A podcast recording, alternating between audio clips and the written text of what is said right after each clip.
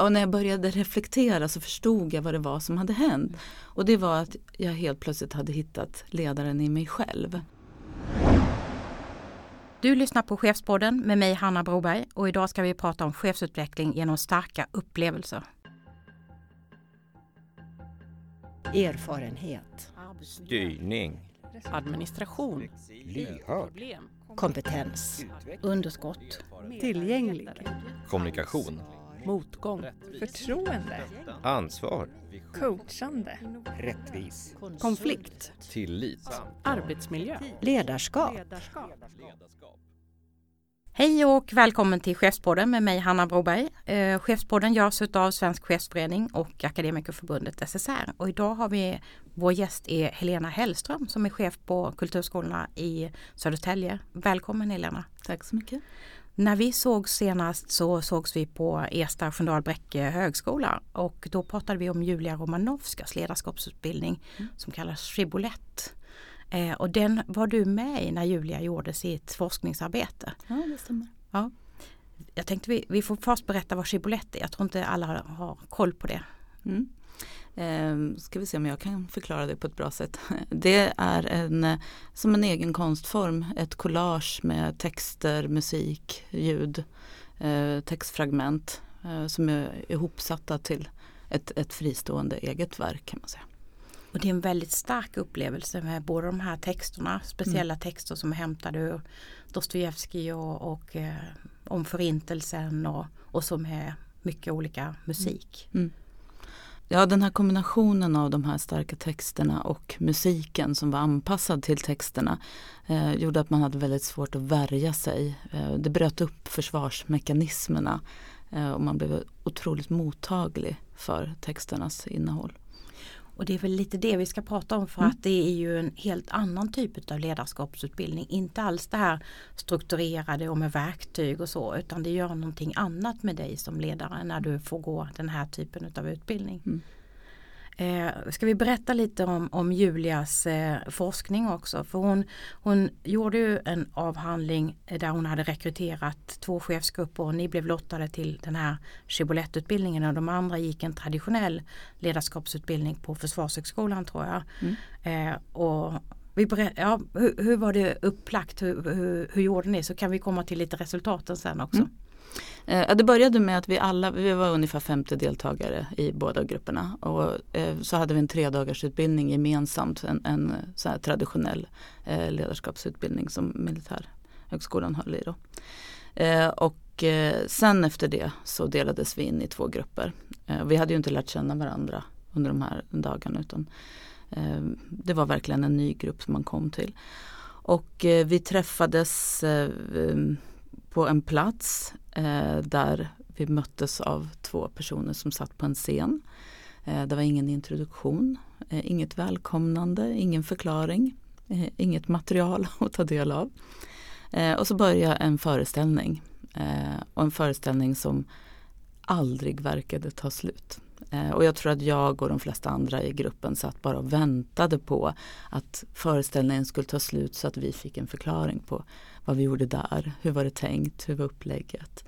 Ehm, men vi fick aldrig det. Ni fick ingen förklaring? Nej, utan efter ungefär en timmas föreställning så eh, blev vi eh, hänvisade till en cirkel, stolar som stod i en cirkel. Och så satt vi där tysta. eh, tills någon började prata. Eh, och då kom jag ihåg att jag var väldigt förvånad för det var någon som började prata om föreställningen. Och sen så hakade andra på och till slut så hade vi ett samtal om föreställningen. Vad vi kände, vad vi hade upplevt. Um, och så fick vi också eh, skriva, reflektera enskilt. Vi hade en, uh, fått en dagbok som vi fick um, skriva i, både före och efter samtalet tror jag, uh, före och efter diskussionen och sen fick vi gå hem. Så det var ju genomtänkt men det var inte den struktur som man är van vid vid Nej. den här typen av utbildningar. Nej. Nej. Men eh, någonting om resultaten då. Några har kanske läst om, om Julia Romanovskas eh, forskning. Men ni som hade gått den här Shibbolett-utbildningen då. Ni fick ju väldigt fina resultat eh, Mm. från eh, medarbetarna. Mm. Ni själva tyckte att ni var inte lika bra chefer. Men, men berätta lite grann mer vad, vad hände? Det, det var ju väldigt spännande. Jag måste säga att eh, det här fortsatte ju. Vi, vi fick ju gå de här föreställningarna flera gånger då. Eh, och jag tror att vi egentligen hela tiden undrade vad det här hade med ledarskap att göra. Eh, Det var väldigt många som skrev om det och vi pratade om det i våra gemensamma diskussioner. Och det var ungefär ett års, ett års utbildning Ja som ni gick precis. Vi träffades tolv, tolv gånger träffades vi totalt under ett år. Ehm, och även när det var slut så undrade vi vad det här hade med ledarskap att göra. Och jag, alltså resultaten visade ju att vi i Chiboulet-gruppen skattade oss sämre, kanske till och med lite sämre än innan vi hade börjat Chiboulet-kursen. Eh, och den andra kontrollgruppen skattade sig själva lite högre, tyckte att de hade blivit lite bättre chefer. Lite boostad av den här traditionella ut- Ja. ledarskapsutbildningen. Ja. Och jag kommer ihåg att vi i Chiboulet-gruppen var lite avundsjuka på dem. Vad hade de fått? ja, vi trodde nog att de verkligen hade fått det här som vi alla ville ha. Verktyg för ledarskap. Mm. Hjälp i att bli bra chefer. Men det som var väldigt intressant och det visste ju inte jag då, det visste ju ingen då. Utan eh, eh, Julia blev klar med sin avhandling ganska långt efter eh, den här utbildningen. Eh, men det som verkligen intresserade mig det var ju att resultaten visade precis tvärtom. Att mätningarna eh, som gjordes på de eh, psykologiska effekterna, de psykosociala och de fysiska visade att cheferna som hade gått Chiboulet-kursen hade bättre resultat än och, och den andra gruppen hade lite sämre resultat än innan. Och det eh, ändrades också över tid så att resultaten blev ännu bättre vid nästa mätning som var flera månader Trenden senare. bestod. Ja. Ja. Och det tycker jag är spännande också de, de fysiska resultaten. Mm. För om jag kommer ihåg rätt så, så är det eh, eh, återhämtningshormonet i blodet som man, man mätte en ren medicinsk effekt faktiskt. Precis, det är alltså DHEA Ja. eh, som eh, är ett hormon som skyddar mot stress och Ja. eh, eh, infektioner. Ett väldigt avgörande eh, och som kanske är en del av vår ohälsa idag på arbetsplatserna. Mm. Eh, Så det är ju otroligt spännande vad som hände med, Mm. med er under den här Chiboulet-utbildningen och eh, om vi då ska komma till vad som har hänt med, med dig efter den här utbildningen, eh, för den, den har haft stor betydelse. Du, Mm. När jag träffade dig på Ersta så berättade du efter Julias eh, Chiboulet-föreställning som vi var med om där, så berättade du om, om vad som har, hur du har tänkt och vad som har hänt Mm. med dig som chef. Mm. Jag tror att när jag, när jag började den här utbildningen så, så letade jag just efter verktyg. Jag hade varit chef då i tre år kanske. Eh, och jag kommer ihåg att jag, jag ville gå kurser men jag, vi hade inte pengar på min, min arbetsplats till att, att satsa på chefsutbildningar. Så att det var väldigt mycket sånt som jag sökte mig till själv genom ledaren och så vidare. Eh, och jag ville ha mentorer. Jag ville verkligen ha hjälp i mitt ledarskap. Eh, och efter den här kursen så blev det väldigt och när jag började reflektera så förstod jag vad det var som hade hänt. Och det var att jag helt plötsligt hade hittat ledaren i mig själv. Eh, att jag bottnade i mitt eget ledarskap. Eh, och jag tror att sådär i efterhand så, så har jag funderat väldigt mycket över det här såklart. Och jag tror att det som var avgörande det var att jag hade under en sån lång period hittat det här allmänmänskliga. Vi hade pratat om det allmänmänskliga med människor som jag inte kände, med människor som jag inte visste någonting om. Jag visste inte vad de hette. Men efter kursen så visste jag vad de kände. Jag visste vad de, eh, hur de reagerade på saker, varför de reagerade på saker. Vi hade gråtit och svurit ihop. Vad som är Eh, viktigt för dem. Ja. Mm. och vi hade ingen hierarkisk placering i gruppen eller ehm, några andra eh, liksom kunskaper om varandra. Utan vi hade bara just det här allmänmänskliga som våra tankar. Och ni hade vågat öppna er liksom. ja. Mm. Eh, och det var ju applicerbart sen på mina medarbetare. Det är ju ingen skillnad. Det, vi är alla människor i samma båt. Eh, så att jag tror att jag gick ifrån att lite grann leda fienden till att leda vänner. Eh, jag behöver inte vara orolig för situationer som uppstår för det är människor i organisationen. Det är människor jag leder. Det är ingen skillnad mellan oss, jag har bara ett annat uppdrag. Så en ökad trygghet i dig Mm. själv. Mm. Ja. Jag behövde inte hålla på och leta efter svaren hos någon annan eller liksom konsultera någon annan. Eller, utan jag kunde konsultera mig själv. Lyssna inåt och hitta svaren. Förändrade det mycket i hur du var som chef då? Ja, alltså det förändrade ju definitivt min känsla när jag gick till jobbet. Eh, och min inställning till mitt uppdrag. Eh, jag tror just det här att, att jag, det är inte jag som vet allt, kan allt, gör allt rätt. Jag är, jag är bara en människa, jag är inte bättre eller annorlunda för att jag är chef. Jag har bara ett uppdrag som chef. Ehm, och det tror jag blev den liksom, centrala förändringen i mitt ledarskap. Och det är klart att det måste ha påverkat medarbetarna, eller bevisligen så har det ju gjort det. Men det är ju inte så att jag håller på och frågar mina medarbetare om vad de tycker om mitt ledarskap. Och du tar inte blodprov på dem hela tiden? Jag tar så? inte heller Nej, blodprov nej. på dem. Eh, Men jag tycker det är spännande för jag tänker på en forskare som heter Brené Brown som pratar om sårbarhet och skam och så. Mm. Och det här att kunna vara liksom wholehearted, att man liksom faktiskt öppnar sig och är trygg på det Mm. sättet. Och, eh, även nu tillitsdelegationens arbete handlar Mm. ju lite grann om en ny chefsroll faktiskt. Ehm, men då är jag lite nyfiken på, man pratar om detta i tillitsdelegationen också och sådär nu, men, men hur är det att vara chef på det här sättet? Att du lyckas liksom skapa dig själv det utrymmet och med tanke på hur styrning och ledning ser ut i alla våra organisationer idag. Eh, vad, får du göra för att liksom kunna vara chef på det där sättet? Mm. Ja, jag tror att det handlar väldigt mycket om att lita på sig själv. Att lita på, ja, nu har jag det här uppdraget och jag har fått det uppdraget för att de som har anställt mig tror på min kapacitet att leda. Och då gör jag det utifrån min förmåga, min erfarenhet som jag har gjort. Eh, det är klart att det Eh, det har ju inte gjort att jag, den här, den här kursen har ju inte gjort att jag har blivit bättre på att organisera och strukturera och jag har ju fortfarande mig själv att kämpa med mina tillkortakommanden. Men, men jag tror att, att jag, jag är väldigt sällan orolig. Jag vet att vi löser de situationer som uppstår. Vi hittar vägar. Um, det kanske inte alltid de vägar som alla vill välja. Men, men det, där är det också, man hamnar ju i relationella eh, konflikter, inte bara strukturella konflikter. Och det är väl de som jag kan känna att jag är inte orolig för dem. De relationella konflikterna löser vi. Och då löser vi också de strukturella. Det går inte att organisera upp en verksamhet och tro att, att man är klar med det. Utan man har individer med sig i sin organisation och de de vill olika saker, de fungerar bra på olika sätt. De kommer till sin rätt bäst på olika sätt och det måste man ta tillvara på. Därför så tror jag att relationen är, den är minst lika viktig som eh, strukturen och organisationen. Och det är väl så man tror att man kan förenkla med de här systemen, att alla ska göra lika och sådär. Mm. Men att relationerna är väldigt avgörande Mm. i den här komplexiteten Mm. som är i alla våra Mm. verksamheter.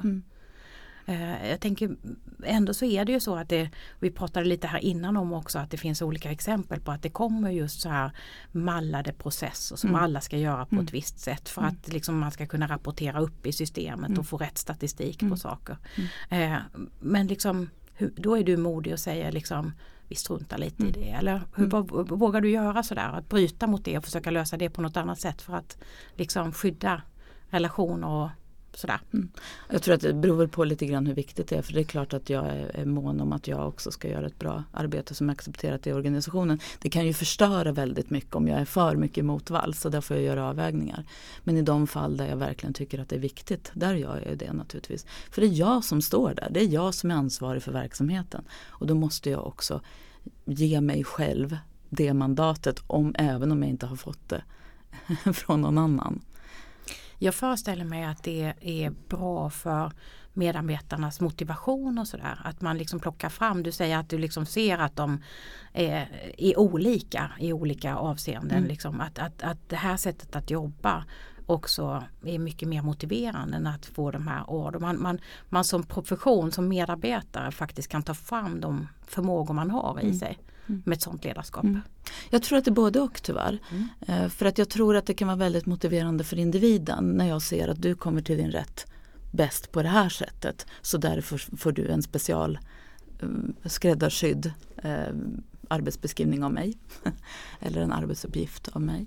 Eh, men det kan ju också uppfattas som orättvist av andra som tycker att den personen då får privilegier istället. Ja, Eh, blir privilegierade i jämförelse. Så att det är både och. Och jag, det, återigen, den här situationen hamnar man i hela tiden. Det går inte att tillgodose alla. Det går inte att leda eh, så att alla blir nöjda. Men däremot så går det att hantera alla situationer. Det går att förklara. Jag, kan, jag gör ju fel, jag tar dåliga beslut. Eh, men det kan jag förklara. Jag kan förklara min intention. Jag kan också förklara hur jag hanterar att det blev fel. Jag kan be om ursäkt och jag kan göra om, jag kan ta nya beslut. Jag kan rätta till fel. Ibland kan jag också bara låta en konflikt vara. Okej, vi tycker olika. Vi är inte beredda att gå in i det här och reda ut det problemet för det är en för litet problem för det. För att lägga in den tid som skulle behövas. Utan vi får bara acceptera att vi står på olika sidor i den här frågan. Men det är ingenting som behöver påverka vår, vår eh, personliga känsla för varandra. Eller eh, liksom det stora hela. Utan i den här frågan kan vi bara helt enkelt vara oense. Det är inget farligt. Nej, det är inget farligt.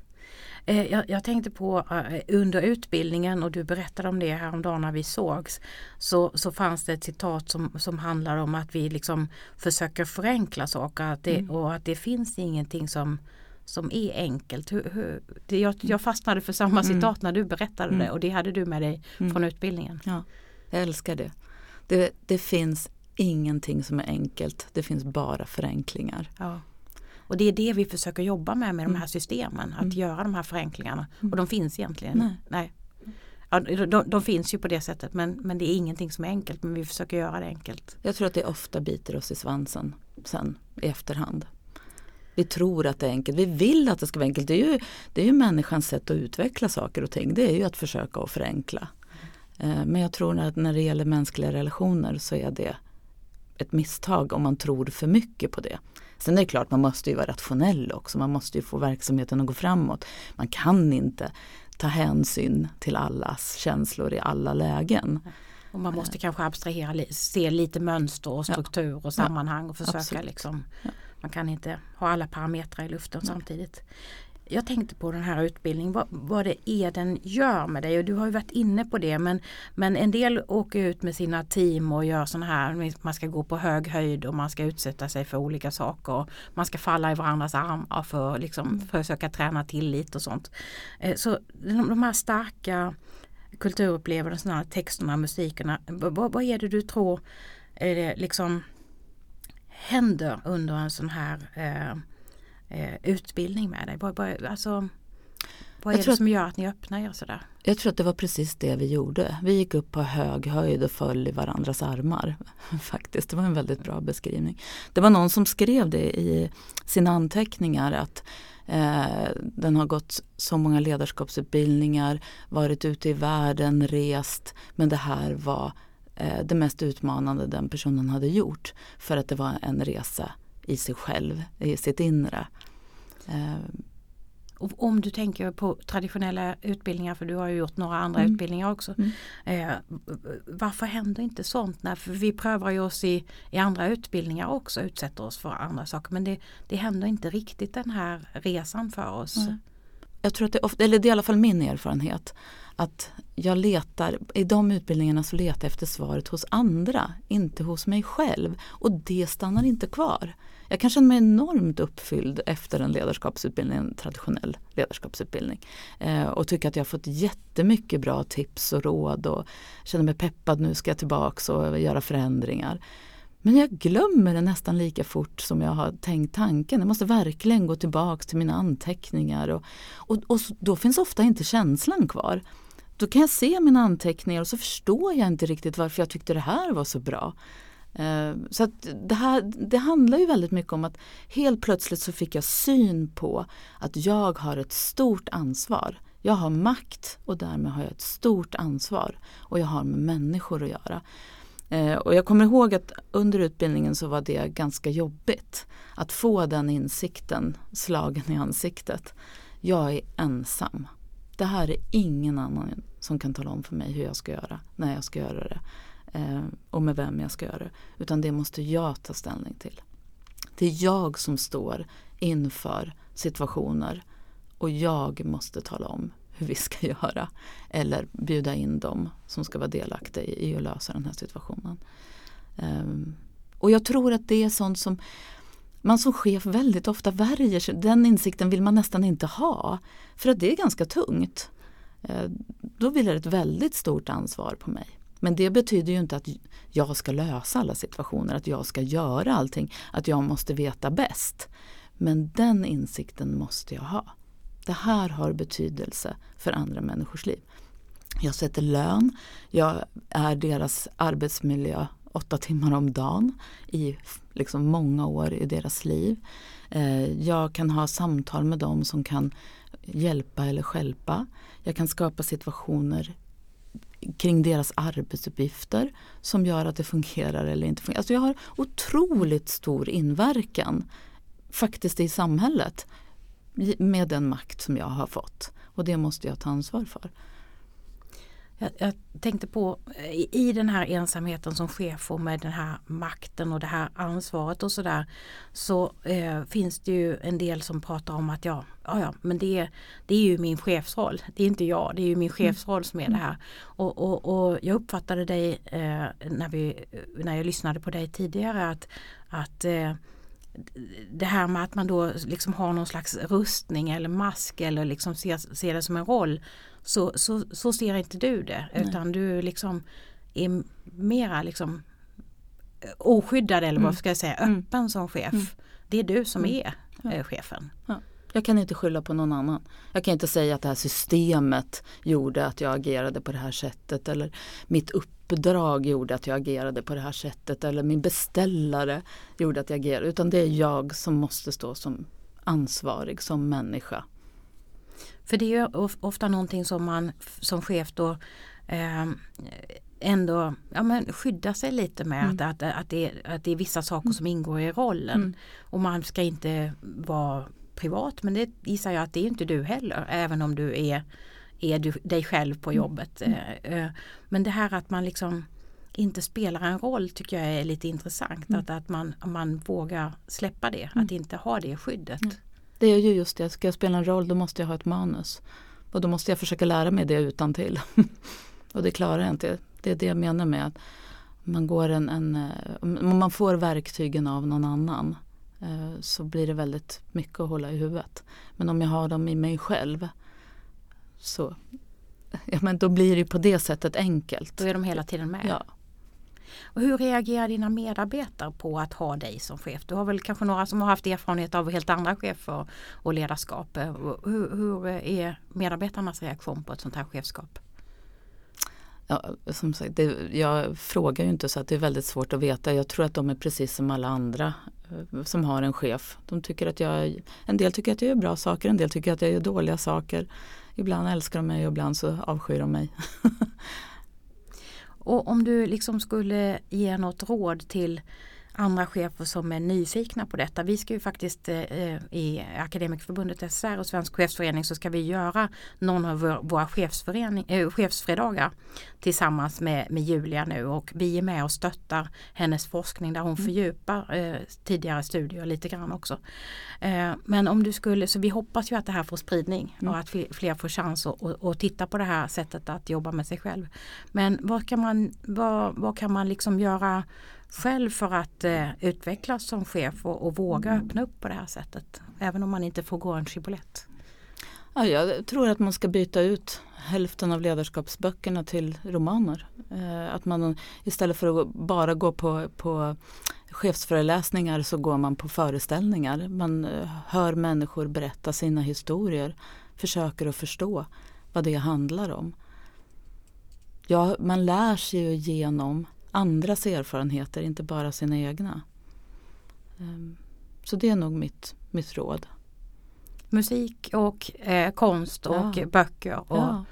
För det är ju rätt vanligt att man åker Vasalopp och Vätternrundan och det här liksom eh, prestationssammanhangen. Mm. Men ganska lite utav det här andra. Det är, Mm. inte, det har inte samma status i ledarskapssammanhang. Och det är väldigt synd. Och det är någonting som jag verkligen hoppas på att, att eftersom den här forskningen visade så intressanta resultat och faktiskt ganska em, oroande resultat också eftersom de som gick i den traditionella utbildningen hade försämrade eh, Återhämtningshormon och Precis, att resultaten visade på, på sämre resultat.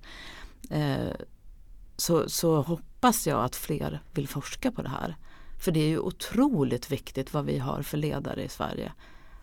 Och jag pratade med, med Julia om det. Hon kan ju inte göra alla de här utbildningarna men det finns ju sätt att jobba så här. Så att det hoppas vi väl att det, det ska liksom bli en modell som fler Mm. ja, konsulter och, och så kan, kan plocka upp Mm. och, och, och jobba med också. Eh, vi är ju jättemåna om att chefer får rätt stöd och, kompetensutveckling och att man ska faktiskt efterfråga det här, eh, sin egen utveckling. Och jag vill bara avrunda med också säga att vill man liksom få eh, stöd och råd och, och fråga om de här sakerna så får man jättegärna ringa, eh, höra av sig till mig eller så ringer man självklart chef direkt på 08 617 44 00 och eh, pratar med våra chefsförhandlare. Tusen tack till dig Helena Hellström för vårt samtal och eh, vår chefspodd är tillbaka om ett par veckor igen. Tack!